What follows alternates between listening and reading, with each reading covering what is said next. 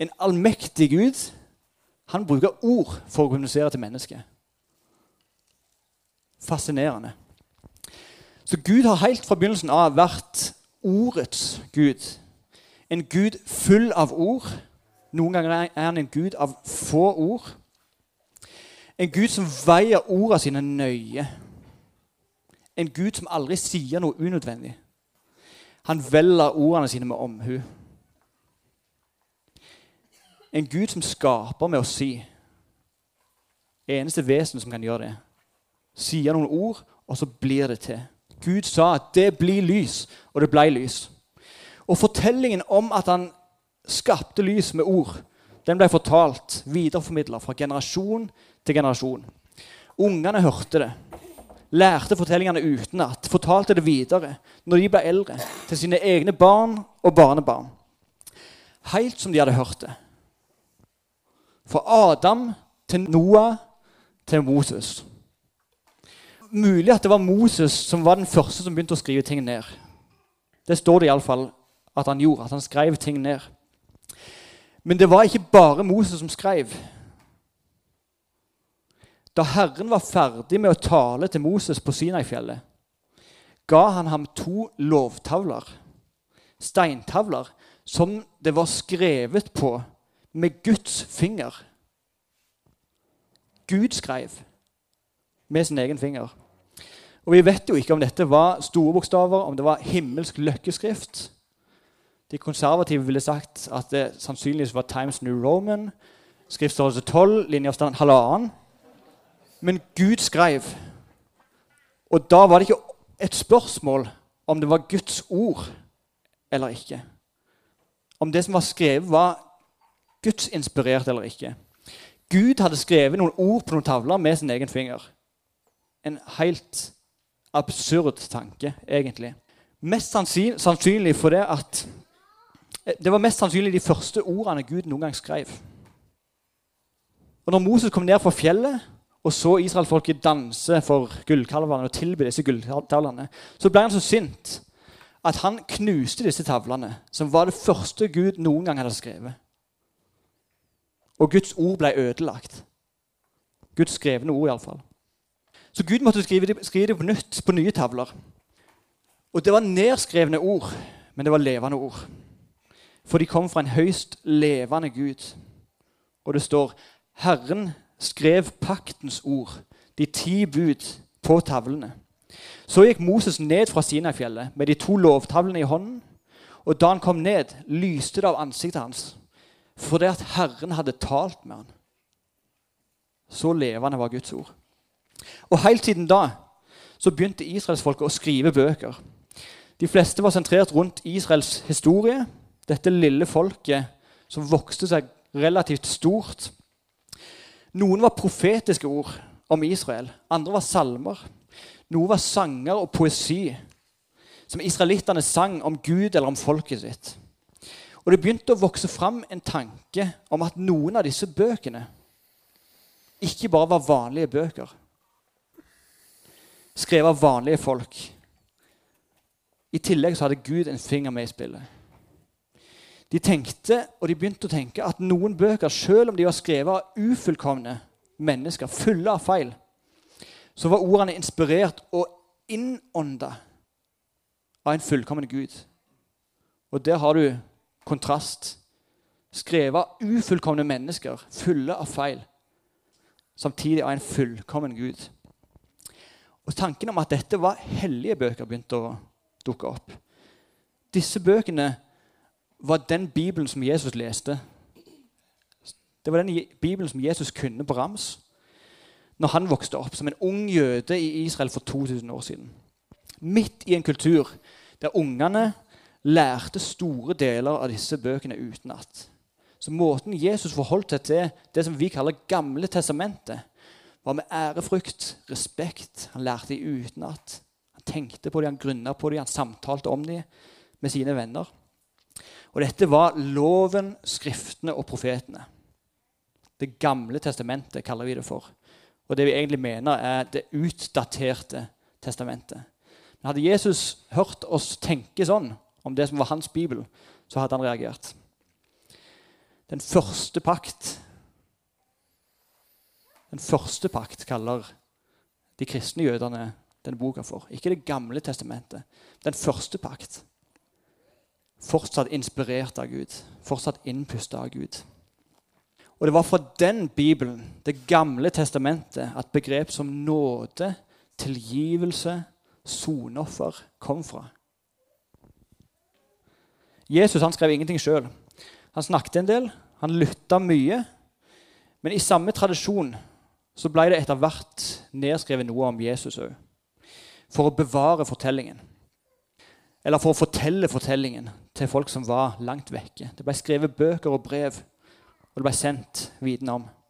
Og Paulus han skrev brev til de første kirkene for å skrive til dem om hva som var sant om Jesus. Hvordan Jesus skulle tros på og tilbes. Hvordan etterfølgerne av denne Jesus skulle leve. Og Det tok ikke så lang tid før noen av disse bøkene og brevene begynte å bli omtalt som de gammeltestamentlige bøkene. Inspirert av Gud. Hellige bøker, hellige brev. Tanken om at det ikke bare var menneskeord. Det lukta Guds karakter når en hørte ordene. Det var skrevet av folk som var i nær relasjon til Jesus. Eller i det minste i nær relasjon til noen som personlig kjente Jesus. Og det var skrevet i samme ånd som Jesus. Og Bøkene de var i tråd med Jesus sin egen lære. Og ikke minst, det var skrevet innenfor første generasjon etter at Jesus levde og døde. Strenge krav til og bøker som skulle få plass. Så Kirkene satt der med Paulus sine brev. Og det er klart, De, de visste at det lukta mye Paulus i det. Svart-hvitt tankegang, standhaftig, lidenskapelige Paulus. Den lille mannen som kunne si mye med store ord om mange ting. Full av lidenskap. Men samtidig så erfarte de at dette ikke bare var Paulus sine ord. Det var en større stemme bak som de gjenkjente. Det var Gud sjøl som snakka til dem gjennom Paulus' sin penn og gjennom hans personlighet. Ikke bare var det ord inspirert av Gud, men pusta inn av Gud. Og Derfor kunne Paulus skrive til tessalonikerne.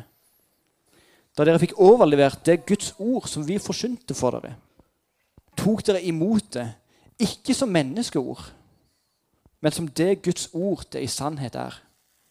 Og dette ordet er virksomt i dere som tror. Det er store ord. Og I århundrene etter så rullerte flere av disse bøkene og brevene i kirka og ble behandla som hellige, som Guds ord på lik linje med de gammeltestamentlige skriftene. Kriteriene var strenge for å være med. Arbeidet med å definere forskjellen på gode og nyttige bøker og bøker som var innpusta av Gud, det var nøyaktig, forsiktig, gjennomtenkt prosess som tok flere hundre år. Og etter hvert så ble lista over bøker fullstendig. Og på det grunnlaget har Kirka stått i 1700 år. Kanskje enda lenger. Det er en av de mest grunnleggende og samlende sannhetene til Kirka har vært at denne Bibelen, skrevet av ulike folk med ulike personligheter over flere tusen år, i ulike former, det er helt og fullt Guds ord.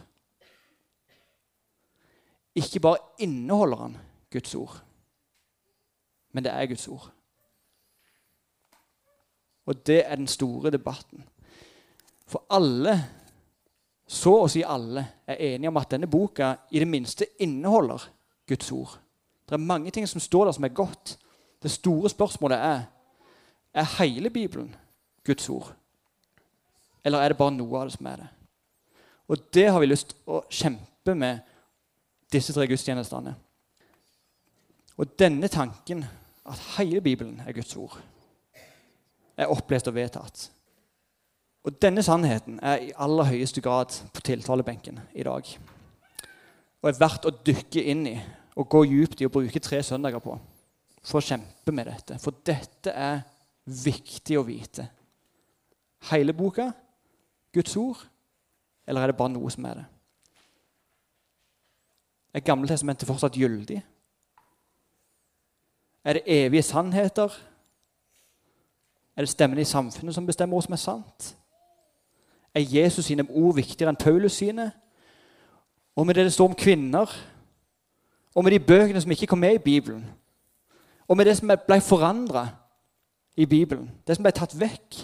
Og hvem bestemmer egentlig hvordan en skal tolke det? Hvem bestemmer om det er Guds ord eller ikke? Og Uavklarte tanker om hva du tenker om Bibelen, det fører til mye usikkerhet. Og at en lett kan slenge seg her og der, alt etter hva som er de beste argumentene. Så denne serien skal vi prøve å løfte opp Bibelen litt lenger opp. Forhåpentligvis inspirere folk, fascinere folk over denne fantastisk rike boka. Og takle noen av de vanskelige spørsmålene. Så vær med på reisen. Vi gleder oss. Hvis vi begynner på utsida av boka sånn, finnes, Denne boka fins. Hvordan skal jeg forholde meg til det? Eh, du kan jo begynne i mange retninger for å finne ut av dette. her. Men hvis du ikke er sikker på om du tror på det, eller hva det står her, eller hva som er greia, så begynner du ofte med om det er historisk. Det gir seg ut for å være det. At det er beskrivelse av verdenshistorien fra begynnelsen, og ikke bare til nå, men til slutten. Og historisk sett, de bøkene som er nærmest, altså Nytestamentet, historiene om Jesus, er overveldende overbevisende riktig historisk sett. Vi tror jo på alle disse andre ting i historien, om keisere og Cæsar og forfatter, ting som skjedde opp gjennom, som vi holder for sant og lærer ungene våre i historietimene. Det er veldig smalt dokumentert. Det finnes noen få skrift her og der som, som snakker om Cæsar.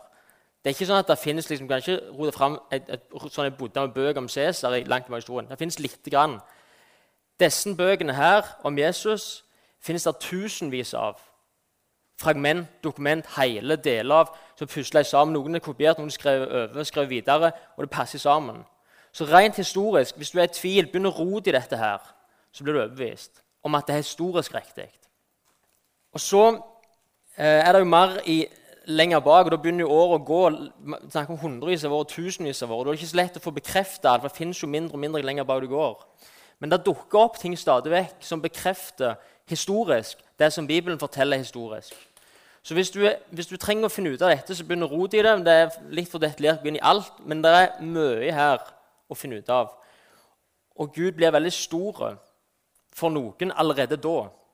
Hvordan han klart pusle sammen disse tingene. Så det er historien i det. Så har du beskrivelsen av verden. Alt ifra skapelsen i begynnelsen som det står detaljert Gud sa, dette skjedde, Gud syns dette. Gud sa dette skjedde, og Gud syns dette. Sånn skapte Gud verden. Og ting henger sammen. Det er en, rød tråd som går under, som gir mening. Og Folk har trodd forskjellige varianter av en skapelseshistorie i alle kulturer og religioner til alle tider. At noen har satt hjulet i gang. Så er det en sånn smal parentes i verdenshistorien som vi lever i. Har kommet på en idé om at vi, vi anerkjenner ikke at det finnes noen som helst gud. Verken den kristne guden, jødiske guden, muslimske guden, hinduistiske hundrevis av millioner slags guder. Det er ingen guder, og ingen er skapt noe som helst. Så det min unge på ni år snart kommer hjem til meg og sier at på skolen så sier de at eh, eh det var et smell og så ble det etter hvert oss. Og så sier jeg 'Jeg vet, Mika'. Så jeg, Men er det sant, liksom? Nei, hva tror du? Nei, de, Læreren sier jo dette. Det blir forska på. Hva er det der for? Ja, mye blir forska på. Ja, men De voksne òg tror på det. Jeg vet det er fullt av voksne som tror på det. Ja, men, men, tror du på det, Mika?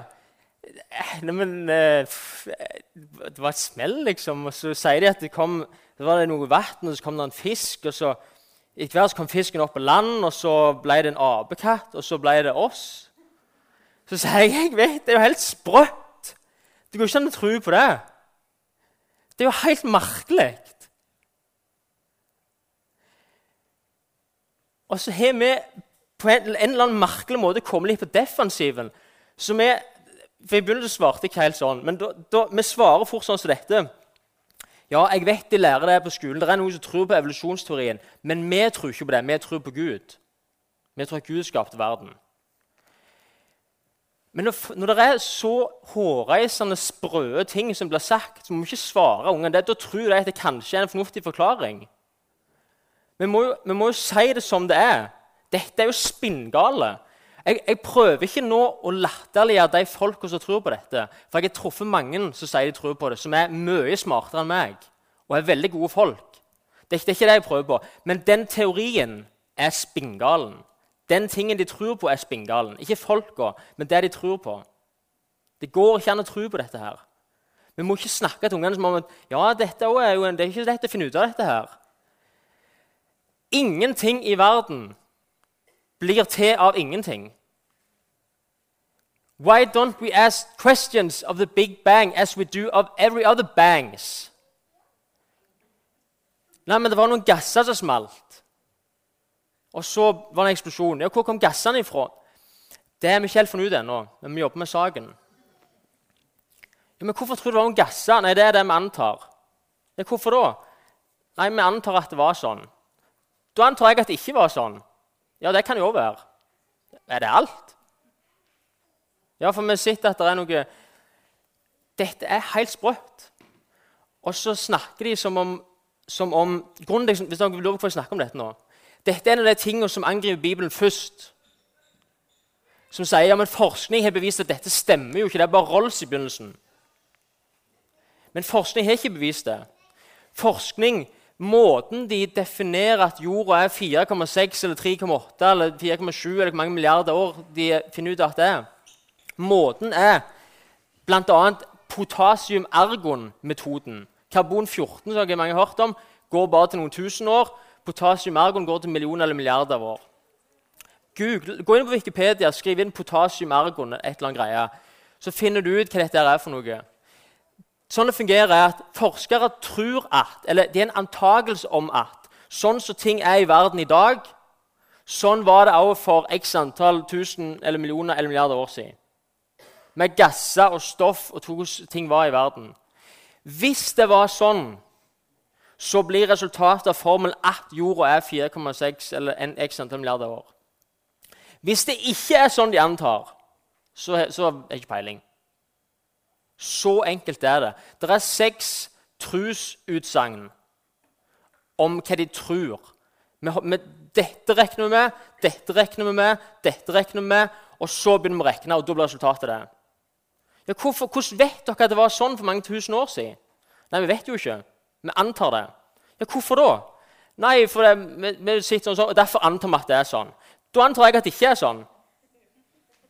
Ja, det kan jo være. Hvorfor antar du det, da?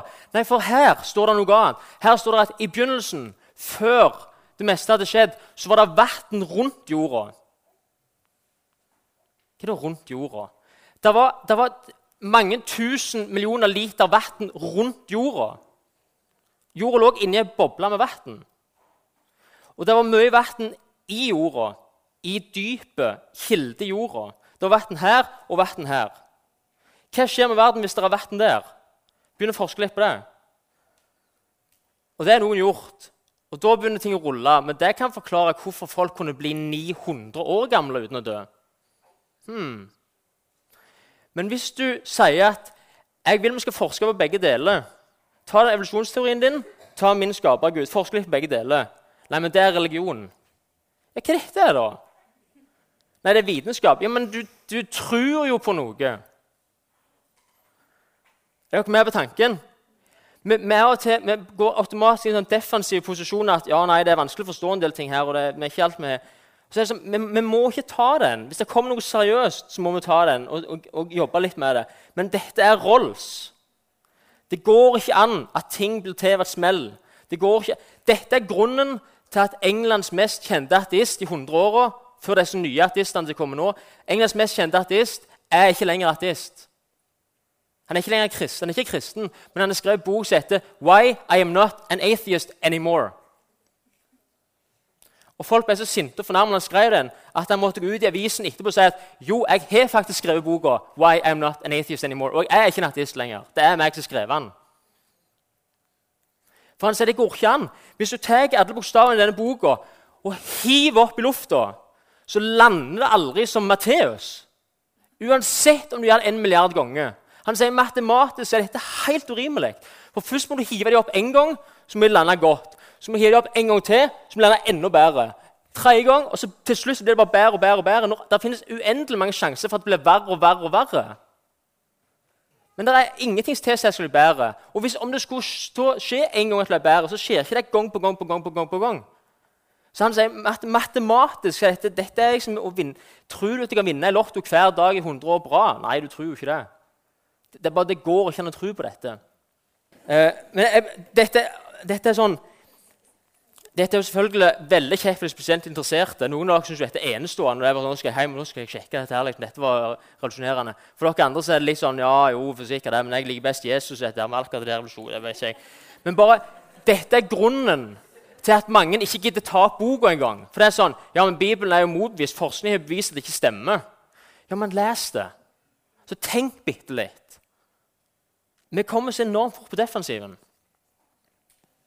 Historisk er det mye som leder oss til at det er sant her.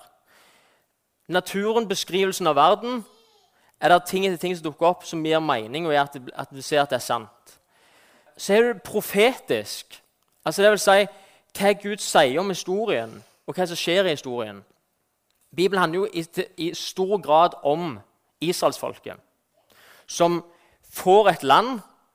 Etter at de har vært slaver i 400 år, så får de et land. Det er jo litt merkelig i seg sjøl. Så lever de der. De vender seg vekk fra Gud, tilbake til Gud, vekk fra Gud, tilbake til Gud. Til slutt sier Gud nå mister dere landet deres.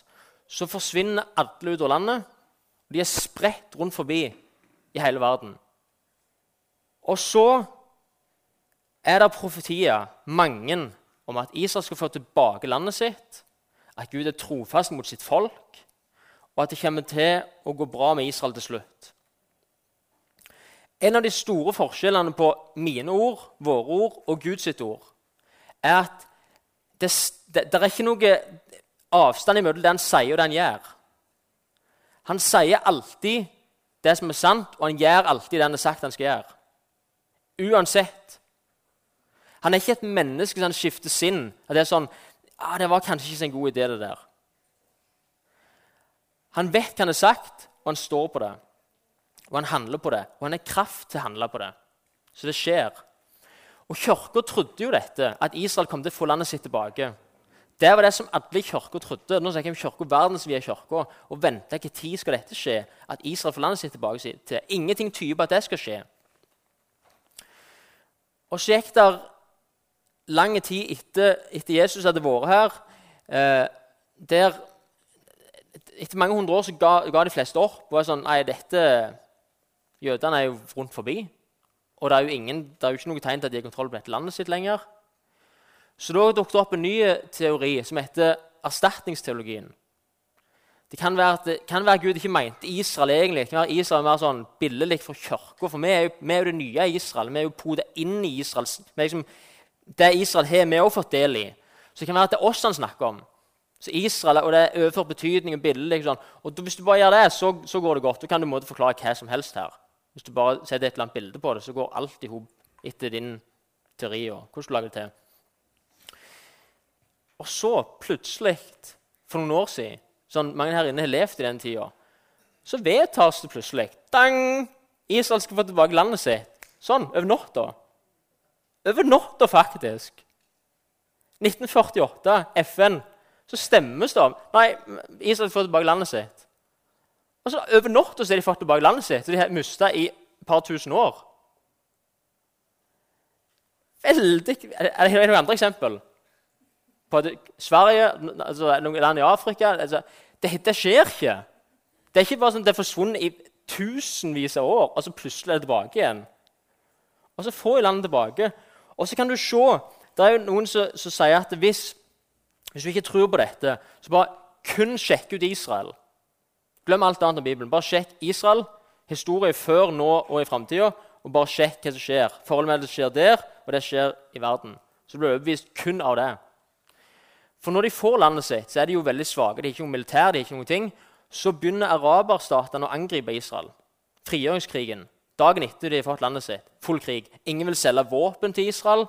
Det er mange løgne ting her. Men de her, det er sånn, den, dårlig heimevern i Norge som er liksom litt sånn, det, det, er helt ute å kjøre. Og så kommer det hærer inn. Mange land angriper de. Og landet er jo ikke, det er jo det er mye mindre enn det nå. Altså det er sånn, 20 minutter så kunne du kjøre over hele Israel med tanks. Altså, det, det er en knøttliten prikk. De har ikke sjans. Så vinner de krigen. Og så kjenner farmoren en som skrev bok fra denne krigen, hvordan han opplevde det. Han skriver ting som at nei, vi gikk, de skjøt på oss her og her, og så plutselig en dag så, så stoppet de å skyte. Og så var det sånn, ok, så var det en som fikk for seg at Gud har gitt oss seier. Så reiste vi oss og gikk opp igjennom, så var det ingen folk der. Så hadde disse folk rømt langt inn i ørkenen. Og så, så var det bare borte vekk. Så spurte vi, så fikk vi tak i en som så hva som hadde skjedd. Nei, det kom en svær hånd over oss, noe vi måtte flykte. Sånne historier er det mange av.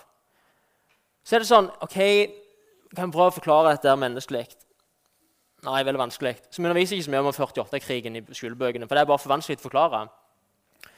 Så er det nye krig i 67, som igjen Da er det enda flere fiender. Israel er fortsatt knøttlite, bitte litt større. De angriper igjen. Israel er null sjanse. Det, det, det er ikke som vi snakker nå de har noe avansert rakett og skyter ned ting. De har ikke sjanse til å vinne krigen. Så vinner de krigen på seks dager. Sånn så vant de krigen. Så er det sånn historien som dukker opp igjen. Det er forklaringen. Men det er sånn, nei, nei men det, det, kan ikke stemme. Så det heller har vi ikke hørt om. Det, hvor, mange, hvor mange som vet om det sånne krigene, eller vet at ungene blir undervist i disse krigene? Det er noen. Men det er ikke det som er undervist mest om, for det er bare for vanskelig å få tak på. Så skjer det en tredje gang, i 73 eller 74. Jeg husker ikke helt, Jom Kippur, 74 er det vel. Igjen Israel blitt litt større litt sterkere. Fienden er litt mye større og sterkere og enda flere land. Israel er fortsatt knøttlite, blitt litt større, angriper igjen, ikke sjanse til å vinne. Vinner igjen. Og Nå er Israel blitt en militær supermakt. Nå har de jo våpen. Så nå er det annerledes. Men det samme kommer til å skje igjen. Og Gud står fast med sitt løfte. Og det neste gang det skjer, sånn skikkelig, så er Jerusalem beleira. De holder på å svelte i hjel. Og de har ikke sjans. Og denne gangen har de ikke sjans. Så da kommer Jesus ned. Hvis du leser profeten Zakaria, så er konteksten Jesus kommer tilbake i, er for å redde Israel. Og pluss mange andre ting. Men det er, det, er, det er, konteksten det skjer i. Så hold blikket oppe for Israel. Og når jeg først hever ut dette eh, skal vi si det, for brannfakkelen, eh, så leder det oss inn i neste ting, som er eksistensielt. For Bibelen er Guds ord, og han snakker sannhet. Og vi er ikke sånn som Gud. Vi forandrer mening. Vi er et skiftende sinn. Vi er et svikefullt hjerte. Jeg har mange gode intensjoner, og ofte gjør jeg det jeg ikke vil. Og jeg fatter ikke helt hvorfor. For jeg vet det er dårlig for meg og de rundt meg. Jeg vet det blir mye klatt etterpå.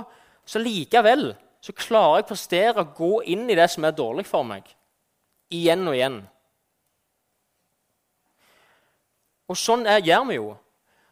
Allikevel så tror vi, eller holder, at min tanke, min intellektuelle kapasitet, min, mitt moralske kompass, min mening, min tolkning er til å stole på. Er du galen? Det viser seg jo igjen og igjen og igjen at det ikke er til å stole på. Det er jo helt ute å synk. Jeg vet ikke engang hva jeg mener ofte. Og likevel som sier noe veldig sterkt, så er det sånn dette, dette, mener jeg jo ikke engang. Jeg, jeg er jo helt ute å kjøre ofte. Og så er vi så bastantiske på det vi klarer å tenke, forstå og mene, synes og føle om alt. Og når vi møter Guds ord, når du er kommet så langt at du, du er sitt historisk, du er sitt profetisk eller profetisk historisk, du sitter i naturen At dette, dette holder jo, dette, det er noe alvorlig her. Når du begynner å rote i dette, så treffer det hjertet ditt. Og da sier Gud 'dette er sant', og da blir det veldig problematisk ofte, for jeg mener noe annet er sant. Eller det samfunnet jeg lever i, som per tilfeldigvis akkurat nå er et samfunn i 2018 som er sekulært, sosialistisk, liberalt, der disse, disse meningene er korrekte. Så tar du opp denne, så er det sånn oh, Jeg er ikke helt om jeg var så klar for det likevel. Så tenker jeg, Går det ikke an å justere litt på det, for så vi kommer litt bedre ut av det? Og Og så er det der vi er i dag. Prøve å justere vekk en del ting, sånn at det går an å på en måte klare å leve i et samfunn uten at det blir for mye klatt. Så er det sånn igjen Hvorfor tror vi at i en parentes av historien dukker sannheten opp? Hvorfor ikke i 1550 i Tyskland? Eller i 1412 i Afrika? Eller i år 900 i Belgia? Eller i år 2050 i Canada? Hvordan de lever livet sitt? Hvorfor tror vi at akkurat her vi vandrer verdenshistorien og kommer inn i et spor her, og så er det sånn Nei, men det er jo opplest vedtatt i dag at det er sånn. Det var ikke det for noen år siden. Stikk i strid. Det var helt motsatt for noen år siden. Det som er bra nå, var ulovlig da. Det som er ulovlig da, er bra nå. Det, det, er, sånn, det er fullstendig annerledes. Og så skifter dette her hele tida. Så kan, om noen år så kan det være helt annerledes igjen. Og hvilken kultur skal du velge deg ut? Så jeg tenker med trumfkort liksom, Ja, men vi lever tross alt i 2018. Så jeg er sånn Å, herlighet. 2018. Ja, altså, Vi klarer å få til det der skjermene, liksom, ta fingeren rundt seg, enormt fort signal. Liksom, det klarer vi å få til. Men, men, går det veldig godt med verden? Vi har rota til så kraftig de siste åra at alle er jo helt stressa for miljøet nå. Det er rett før det går gale. Så er det sånn Ja, men var det ingen som visste dette her? Jo, det var forskningsrapporter på 70-tallet som sa dette. her. Vi må stoppe opp, fullstendig bråstopp i forbruket nå, ellers går dette gale. Dette var, det, Politikerne visste dette. Forskerne hadde jobbet med denne svære kommisjonsjobben i ti år, lagt fram en rapport. Så tenkte de nå skal vi redde verden. Så er det sånn Nei, vi, de går den veien de ikke vil. Det er det vi gjør. Men det, det hjelper ikke om vi vet det. Vi er jo helt borti på styr. Så det er sånn, Vi lever tross alt i 2018. Ja, Har folk det enormt godt i 2018? Ja, Det er nyansert. Det er mindre, mange mener det er mindre krig i verden nå enn det var for en del år siden. Så det, Hvordan skal du måle det? hva kriger konflikter? Uansett så er det mindre ekstrem fattigdom nå enn for en del år siden. Det er sant. Flere tar utdannelse nå enn for en del år siden. Så noen ting blir bedre i verden. Selvmordsstatistikken i Norge er skyhøy. Én av fire studenter er ensomme. Veldig mange gamle bor alene og ingen venner. Så det sånn, Hvis det 2018-kortet skulle slå inn, så må det sånn det, det ser ikke ut som det funker. Men hvorfor stoler vi så enormt? Hvorfor gir vi så mye autoritet til verden, altså det politisk korrekte, det som er riktig nå? Og hvorfor blir vi så redde for det som er riktig herifra. For det, det har med livet vårt å gjøre. Det er ikke en intellektuell kamp. så Du bare kan, du kan diskutere et eller annet intellektuelt og så kan, kan du fri resten av dagen. Dette utfordrer livet vårt. Hvor er den høyeste autoriteten din til rett og galt? Og dette er ikke sånn at Gud har jo ikke lagd en del ting som, han, som, er hans rette svar på ting. Som han bare henger seg opp når jeg først har sagt det, som jeg bare står på det. Jeg ser jo at dette er ikke så lurt for mennesket, men jeg må bare stå fast. Jeg kan iallfall ikke skifte mening her. Dette er veien til livet. Alternativet er veien til døden. Veien til livet er ofte vanskelig og vond, men det fører til liv. Det vet vi jo i andre deler av livet. Hvis du har grelvondt i et hånd, så vet du at måten dette blir bedre på, er å ha det enda mer vondt en stund, så blir det bedre. Måten livet i seg sjøl kommer til på, er jo gjennom smerte. Fødselen er jo, det, det er som det er vondt i svangerskapet, så blir det enda verre på slutten. Og så er fødselen bare et inferno av smerte. Og så blir det liv. Sånn er det med det, det kompasset som Gud har gitt oss. Det leder til liv, og det fører ofte til klatt før det kommer til liv. Så dette handler ikke om å, om å, stå opp for en eller annen mening eller en sak. Dette handler om å stå opp for livet. Dette handler om å kjempe for livet i mitt liv, i vårt liv, og for å redde verden sitt liv. Og Dypest sett så handler denne boka om en relasjon. Jødene kalte de fem Mosebøkene for veien. Dette er veien. Dette er læring, dette er undervisning. Sånn skal du leve. Dette dette er veien til livet. Så kalte de de neste profetene for sannheten. Profetene kom og snakket inn i tida. sa hvordan folket levde, avslørte synda og sa hvordan de skulle leve. De kaller dette for sannheten. Så hadde du salmene, høysangen, ordspråkene, forkynneren, en del andre skrifter som de kalte for livet. Her finner du livet. Her er livet beskrevet. Her er alle aspekt med livet beskrevet.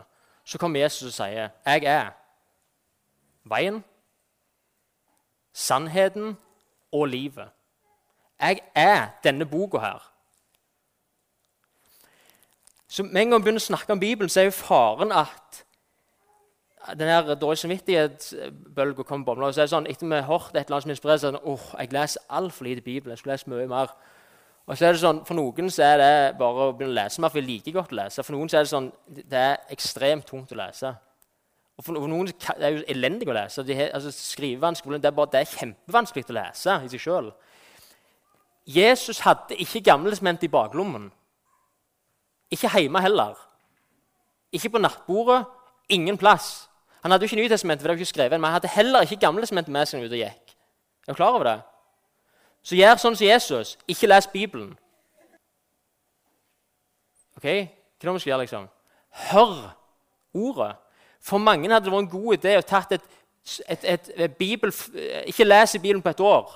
Og så den tida du, du, har lyst til å lese Bibelen, treff en person og les høyt til hverandre. Bare sitt og hør etter. Ikke les ting, bare hør. Eller hør det på lydbok. Det var det Jesus og de gjorde.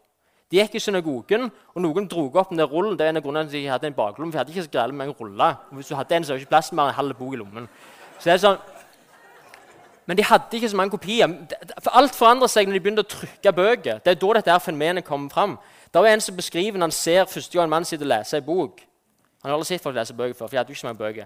Så sier han han sitter og, og leser en bok, og det ser ut som han har munnen igjen. Så det, sånn, det ser ut som han har munnen igjen. Ja, hva annet skulle han hatt? på en måte? Han kunne, være måpte litt. Men han, han har munnen igjen. De leste jo ikke inni seg. Alt de hadde knytta til lesing, var jo høyt. Noen leste, noen hørte. Det er ingen som leste inni seg. Det er ingen som ba inni seg heller, for så vidt. Alt var ut. Og det er greia når Gud er Ordet. Det er ikke sånn at han, han bare snakker noen ord, men han er Ordet i personen. Så i begynnelsen var Ordet, og Ordet var ikke Gud, og Ordet var Gud. Så Ordet blir levende. Denne boka her kommer til å dras inn i min bibel. Så står det Kent Kjelta får godt frammøte på søndagsskolen gjennom mange år. Les denne boka flittig, og du vil holde deg nær til Jesus. Med hilsen TU søndagsskole 1990. Holdt seg ganske godt. Jeg er litt forsiktig, mer forsiktig. Torstein har brukt tolv biler en stund. jeg har brukt en. Eh, men det er ikke automatisk sånn at hvis du leser denne boka flittig, så holder du nær til Jesus. For det er jo mange som kan mest nesten hele Bibelen utenat, uten at de kjenner Gud spesielt godt. Og Det Jesus sier til, til fariseerne, er jo at dere gransker Skriften for å tro at dere har liv i dem. Men de er det som vitner om meg, sier Jesus. Så dette er ei bok som er levende. Guds ord er levende og virksomt og skarpere enn noe tveegget sverd. Det trenger gjennom helt til det kløyver ledd og mag, sjel og ånd og dømmer hjertets tanker og råd. Så når du begynner å virkelig inn i dette, her, om du sitter hjemme og leser den, eller om du bare sitter stilt og hører på, er at ordene får leve i deg. Jakobs brev sier, 'Legg av all urenhet og synd, og ta imot ordet' som er innplanta i dere, som er mektige til å frelse sjelen deres. Guds ord er så mektig at det er i stand til, til å ta vekk den kulturelle påvirkningen av løgn som sitter i hodet vårt, og gi oss sannheten om hvor verden begynte, om hvor den slutter, om hvem Gud er, om hvem jeg er, hva som er rett og galt, og hvordan jeg skal leve, og det er veien til livet. Og det er mektig til å gi deg den krafta du trenger for å leve i det. Det er levende ord.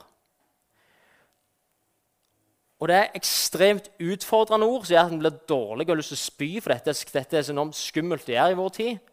Og det er oppmuntrende ord, og det er trøstende ord, og det er relasjonsord. Første gang jeg leste Høysangen, første gang jeg fikk tak på meg skikkelig, Når jeg forsto at Gud var ikke bare sånn, han var ikke bare glad i meg som en far, så jeg, sa, jeg liker deg og håper du blir en god unge og kan klemme meg litt. Men det var en sånn djup Ikke snakk ned det, det er ikke det jeg mener. Men, men det var på en måte det jeg hørte om før.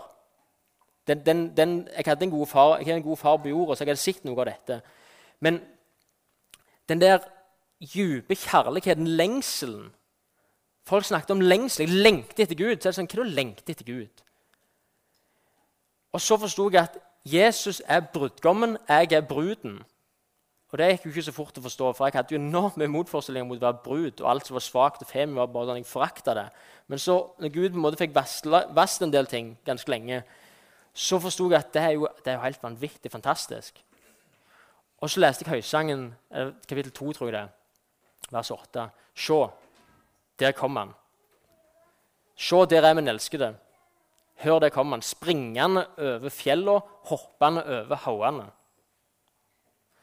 Så det er det, første glimtet da jeg så at Jesus lengter etter meg, og jeg lengter etter han. Så det er som hjertet, det var noe her inne som rørte seg. så det var sånn, Jeg lengter faktisk etter Gud, å være med han. Det gjorde denne boka her. Det gjorde disse ordene, disse levende ordene skapte det inni meg. Og mange lignende ting skjedde. Og den trøsten, når vi skal gå ut i dette skumle mirakelset, så trenger vi en del trøst. Og når vi leser disse ordene, så blir, blir vi trøsta akkurat der Gud vet du trenger det. På sånne dype, dype ting som blir liv i oss. Om dere leser den eller ikke, hør ordene. Få tak i ordet, la ordet komme inn i dere. Det er veien til livet. Jeg tror den, den store tingen er For å ta dette inn over seg så er det så mange skjær i sjøen og skumle ting som vi holder litt igjen og har et litt sånn avmålt forhold til. Iblant som sier at jeg, jeg, står på dette, jeg går på dette, jeg tror på det. Så holder vi litt på avstand, og så tar vi det vi må ta, tror vi, og så holder vi andre litt sånn ja, vanskelig å forstå mange vanskelige vers her. De som vil overgi det og si til Gud jeg, jeg vil overgi min kontroll, min tanke, mitt system, min filosofi, og si at jeg stoler på ditt ord, jeg vil gå på det, uten å vite hvor det bærer hen i alle ting. De vil vi be spesielt for. Vi ber her om at du fortsetter å virke med din ånd. Jeg ber om at du åpenbarer ditt ord for oss. Jeg ber om at du åpenbarer ditt ord for oss. Jeg ber om at du drar oss nær til deg. Jeg ber om at vi må finne veien til livet. Takk for at ditt ord er levende. Takk for at du er livets ord. Takk for at du har livets ord. Takk for at du skaper liv i oss, Herre. La oss få leve, og la oss få gi liv til andre der det er død. Amen.